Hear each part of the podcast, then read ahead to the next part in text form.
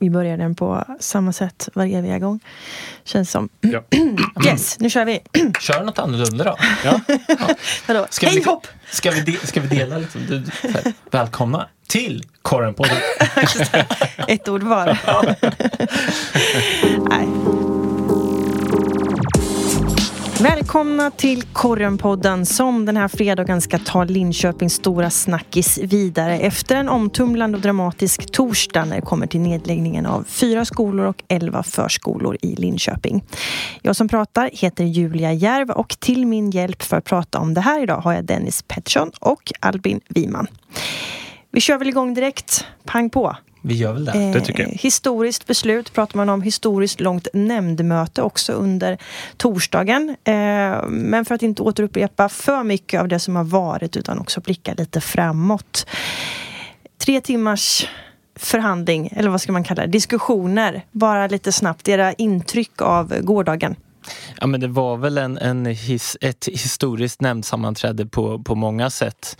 Eh, det är flera som pratar om att ja, men sån här många skolnedläggningar på en gång har ju aldrig skett tidigare. Så här många åhörare på ett barn och ungdomsnämndsmöte har det aldrig varit tidigare. Det brukar ju aldrig vara någon åhörare även om det är, är öppet för allmänheten. och Eh, ja, det var ju inte tre timmars debatt kanske en, en sanning med modifikation. Det var ju en del föredrag och sånt eh, innan eh, nämndledamöterna började sin debatt. Men det var ju, det var ju hetskt och eh, hårda ord och utanför så Precis. Utanför nämndmötet innan hände det ju också saker. Ja, det jag tänker är att det är inte heller så vanligt att det pågår liksom protester i ganska stor omfattning utanför stadshuset i Linköping.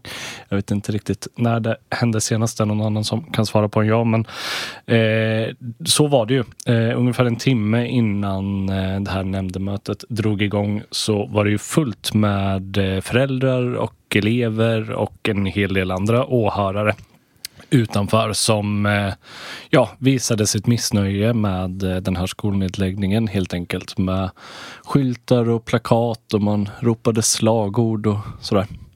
Mm. Det var, det var en, en stark känsla på något sätt ju igår. Både innan, under och, och också efter sammanträdet då, då det var en, en del barn som, som grät över att deras eh, skola skulle läggas Mm. ner och så. Så att det var ju mycket känslor inblandat igår. Och att det fanns mycket känslor, eller finns det, det har vi ju verkligen sett prov på hela den senaste en och en halv veckan sedan det här beskedet kom ju. Eh, Men både på insidan eller utsidan, var det någonting som hände som ni kände var lite oväntat? Ja, om, jag rapporterade ju från insidan då, från själva nämndmötet. Eh, det var, alltså debatten var väl egentligen som förväntat att det skulle vara den ena sidan och andra sidan. Alltså att det var S- plus M-styret och eh, oppositionen skulle vara emot så att säga. Eh, Björn Alling där som är Vänsterpartiets ersättare då, han är inte en ordinarie ledamot, han tog ju lite taktpinnen och eh, höll många in, debattinlägg eh, och var väldigt engagerad och eh, så. Och det märktes också kring, eh, åhörarna att de, de lyssnade på honom och tyckte att han sa bra saker. Men han är, han är emot, han kritiserar barnkonsekvensanalysen, han kritiserar underlaget eh, och eh, ja men kräver ju mycket svar ifrån från S plus M-styret kring, kring det här förslaget som han anser att han inte har fått. Eh, och eh, stundtals hårda ord från hans sida. Eh, och visst var det så att det var väl Björn Alling som också stod utanför. Eh, alltså under tiden som protesterna innan mötet pågick så, så kom han ut där och höll också ett litet anförande för eh, eh, föräldrar och åhörare. Eh, och där var det ju också många som lyssnade på dem. Jag tänker att det kan ju, lite strategiskt kan det ju också vara att som Absolut. oppositionspolitiker Ja. gå ut liksom och visa att jag tycker också att det här Ja, förslaget det är blir fel. lite Liksom. att han tog på sig liksom folkets röst där, även om då alla oppositionspartier är inne på samma linje. Eh, Precis, Det precis. går ju kanske inte undvika att det blir ett politiskt spel av det hela också. Nej, och eh, S plus M-styret trycker ju på att ja, men det är ju, det är ju lätt att inte behöva ta ansvar i oppositionen utan säga att det här är fel, de här skolorna ska inte läggas ner och sen inte behöva tänka li, lika mycket på konsekvenserna så att säga. Men, mm. men ja, det var lite oväntat att Björn Alling skulle komma ut där tyckte jag. Ja, eh, han, han, hans budskap var väl i princip jag håller med er, jag kommer att hjälpa er och eh, stå mm. på er sida att kämpa för att det här ska stoppas och det sista ordet är inte sagt och det sista ordet kommer inte heller sägas på det här nämndsammanträdet då utan fortsätt kämpa var ju ungefär hans, ja. hans budskap. Eh, ett annat lite oväntat eh, debattinlägg under nämndmötet eh, Oväntat var det kanske inte, men, men det var väl innehållet som stack ut lite var ju Tanja Mitic då, hon är ju Socialdemokraternas, en av dem, i ledamot i barn och ungdomsnämnden. Hon höll ett litet försvarstal att hon tyckte att i debatten och inte minst på nämndsammanträdet så målades styret upp som, som monster. Eh, men eh, det är de ju då inte, sa hon. Utan, utan det här är ju ett tufft beslut. De tycker det är jättejobbigt också. Men de ser att eh, det finns inte så mycket andra alternativ i det här läget när det, det finns så många tomma elevplatser, barnkullarna blir mindre, hyreskostnaderna ökar och eh, det blir svårt helt enkelt att få ihop ekonomin. Och deras eh, ständiga mantra är ju eh, vi vill lägga pengar på lärare och elever och inte på tomma eh, lokaler så att säga. Det var väl precis så hon uttryckte sig. Vi är inga monster eller vad var det, mm. vad var hon sa? Ja men det var ja. exakt så Slagkraftigt citat. Ja. Men tror ni eh, att eh, oppositionen någonstans ändå kan förstå att någonting måste ju göras med tanke på det ekonomiska läget och de här prognoserna? Eller? Jag, jag ställde ju den frågan till många av oppositionens eh, representanter igår.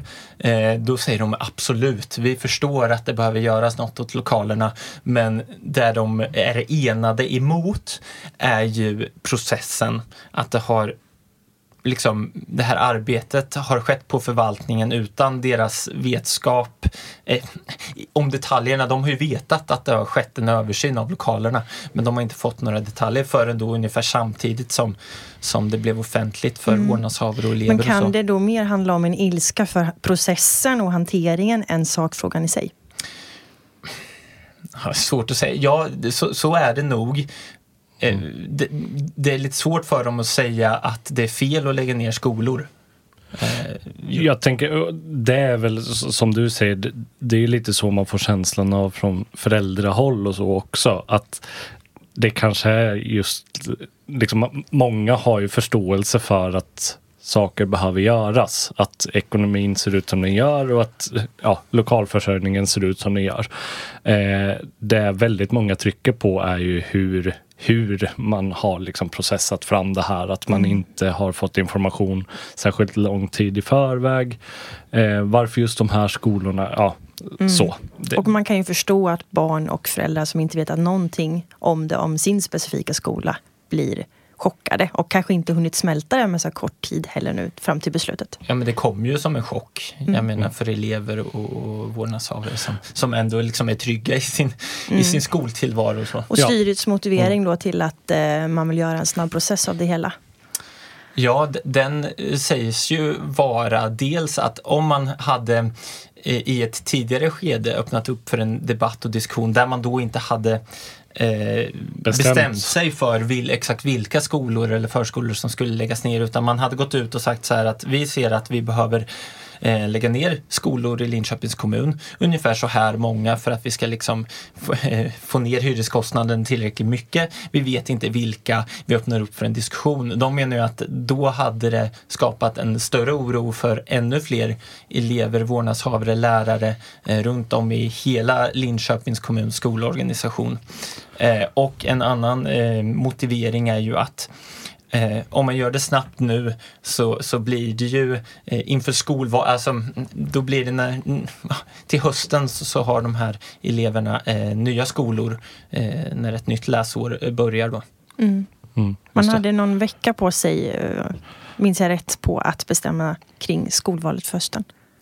Ja, men precis. Eh, så var det. Jag kommer inte ihåg exakt när det var nu. Men det, men ganska det snabbt att, ja. val helt eh, enkelt. Precis. Men just det där har ju fått lite kritik. Jag vet inte om de har gett något svar på det, majoriteten Dennis, men att eh, återigen så säger föräldrar att ja, men vi förstår att vi liksom inte har fått reda på det här ett halvår i förväg, men en vecka vecka liksom. Det är väldigt kort tid. Varför inte tre veckor? Alltså liksom, för de, argumentet från många föräldrar är ju att ja, men vi har ju liksom inte ens hunnit Alltså man hinner knappt söka demonstrationstillstånd liksom för att det är så, så, så väldigt snabba puckar. Va, vad säger, har man sagt någonting från majoritetens sida om det där?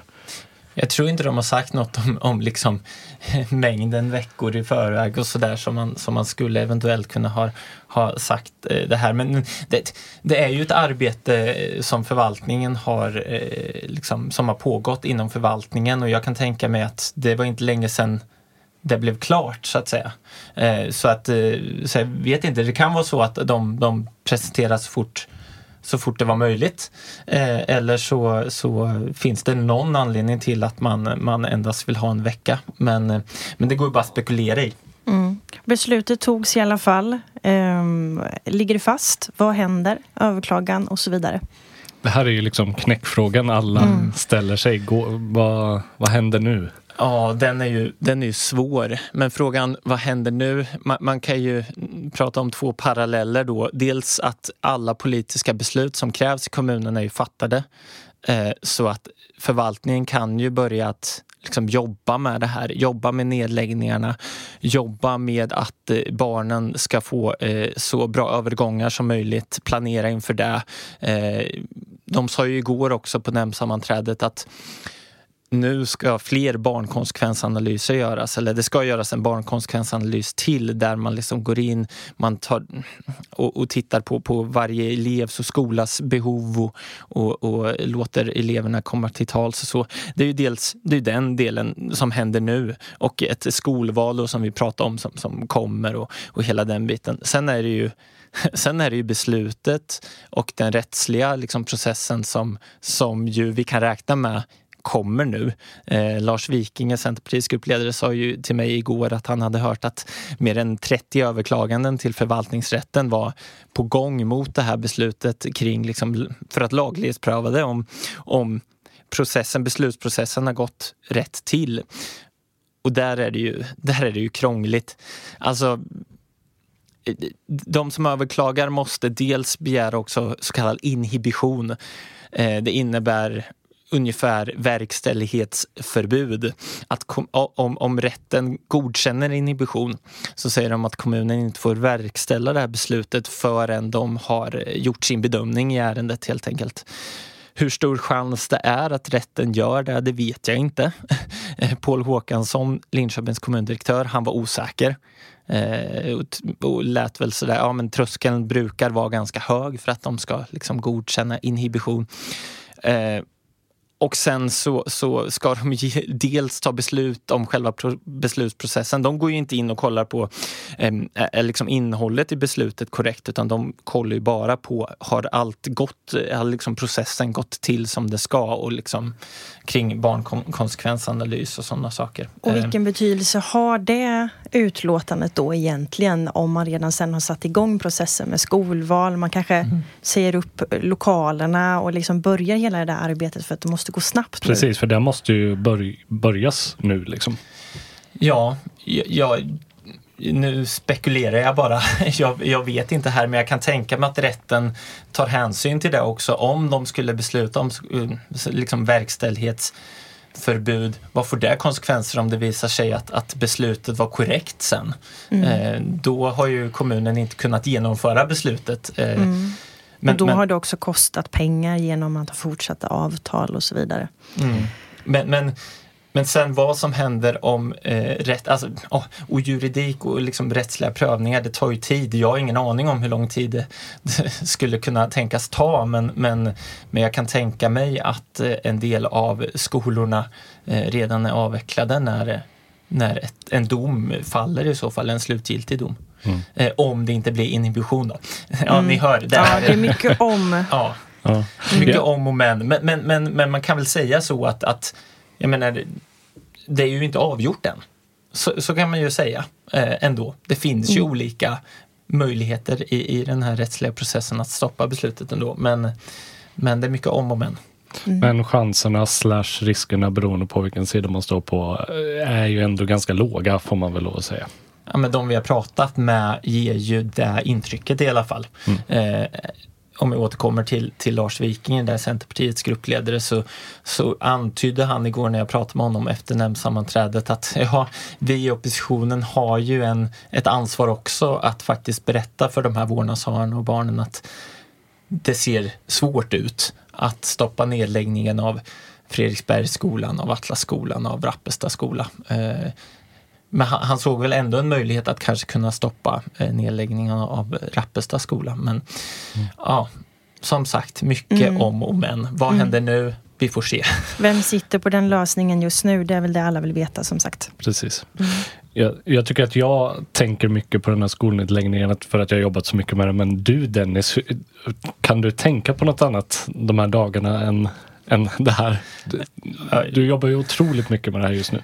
Ja, eh, just nu är det ju svårt att skriva om någonting annat. Så kan, så kan jag säga. Mm. Eh, och det här är ju den, den stora frågan just nu eh, utan konkurrens. Samtidigt så, så är det ju andra liksom, politiska frågor som, som hamnar i skymundan som, som är eh, som, som tas på andra nämndsammanträden som sker just nu och sådär. Men det får, vi, det får vi återkomma till. Just nu är det skolor mm. som gäller. Drömmer du om skola på nätterna? Jag drömmer inte så mycket. Jag kommer i alla fall inte ihåg vad jag drömmer. Det är väl ja, jättebra. Skönt. Ja. skönt i dessa tider kanske. Ja, jag, jag, känner att jag behöver natten att koppla bort. det låter bra. Härligt. Och är det så att du som lyssnar har tips på någonting inom ämnet så hör jättegärna av er förstås. Antingen till våra enskilda mejladresser som är förnamn.efternamn snabelakorren.se eller tipsa mejlen tipsa Så får ni ha en trevlig helg. Tack för att ni har lyssnat. Hej då. Hej då. Korrenpodden. Ansvarig utgivare Christer Kustvik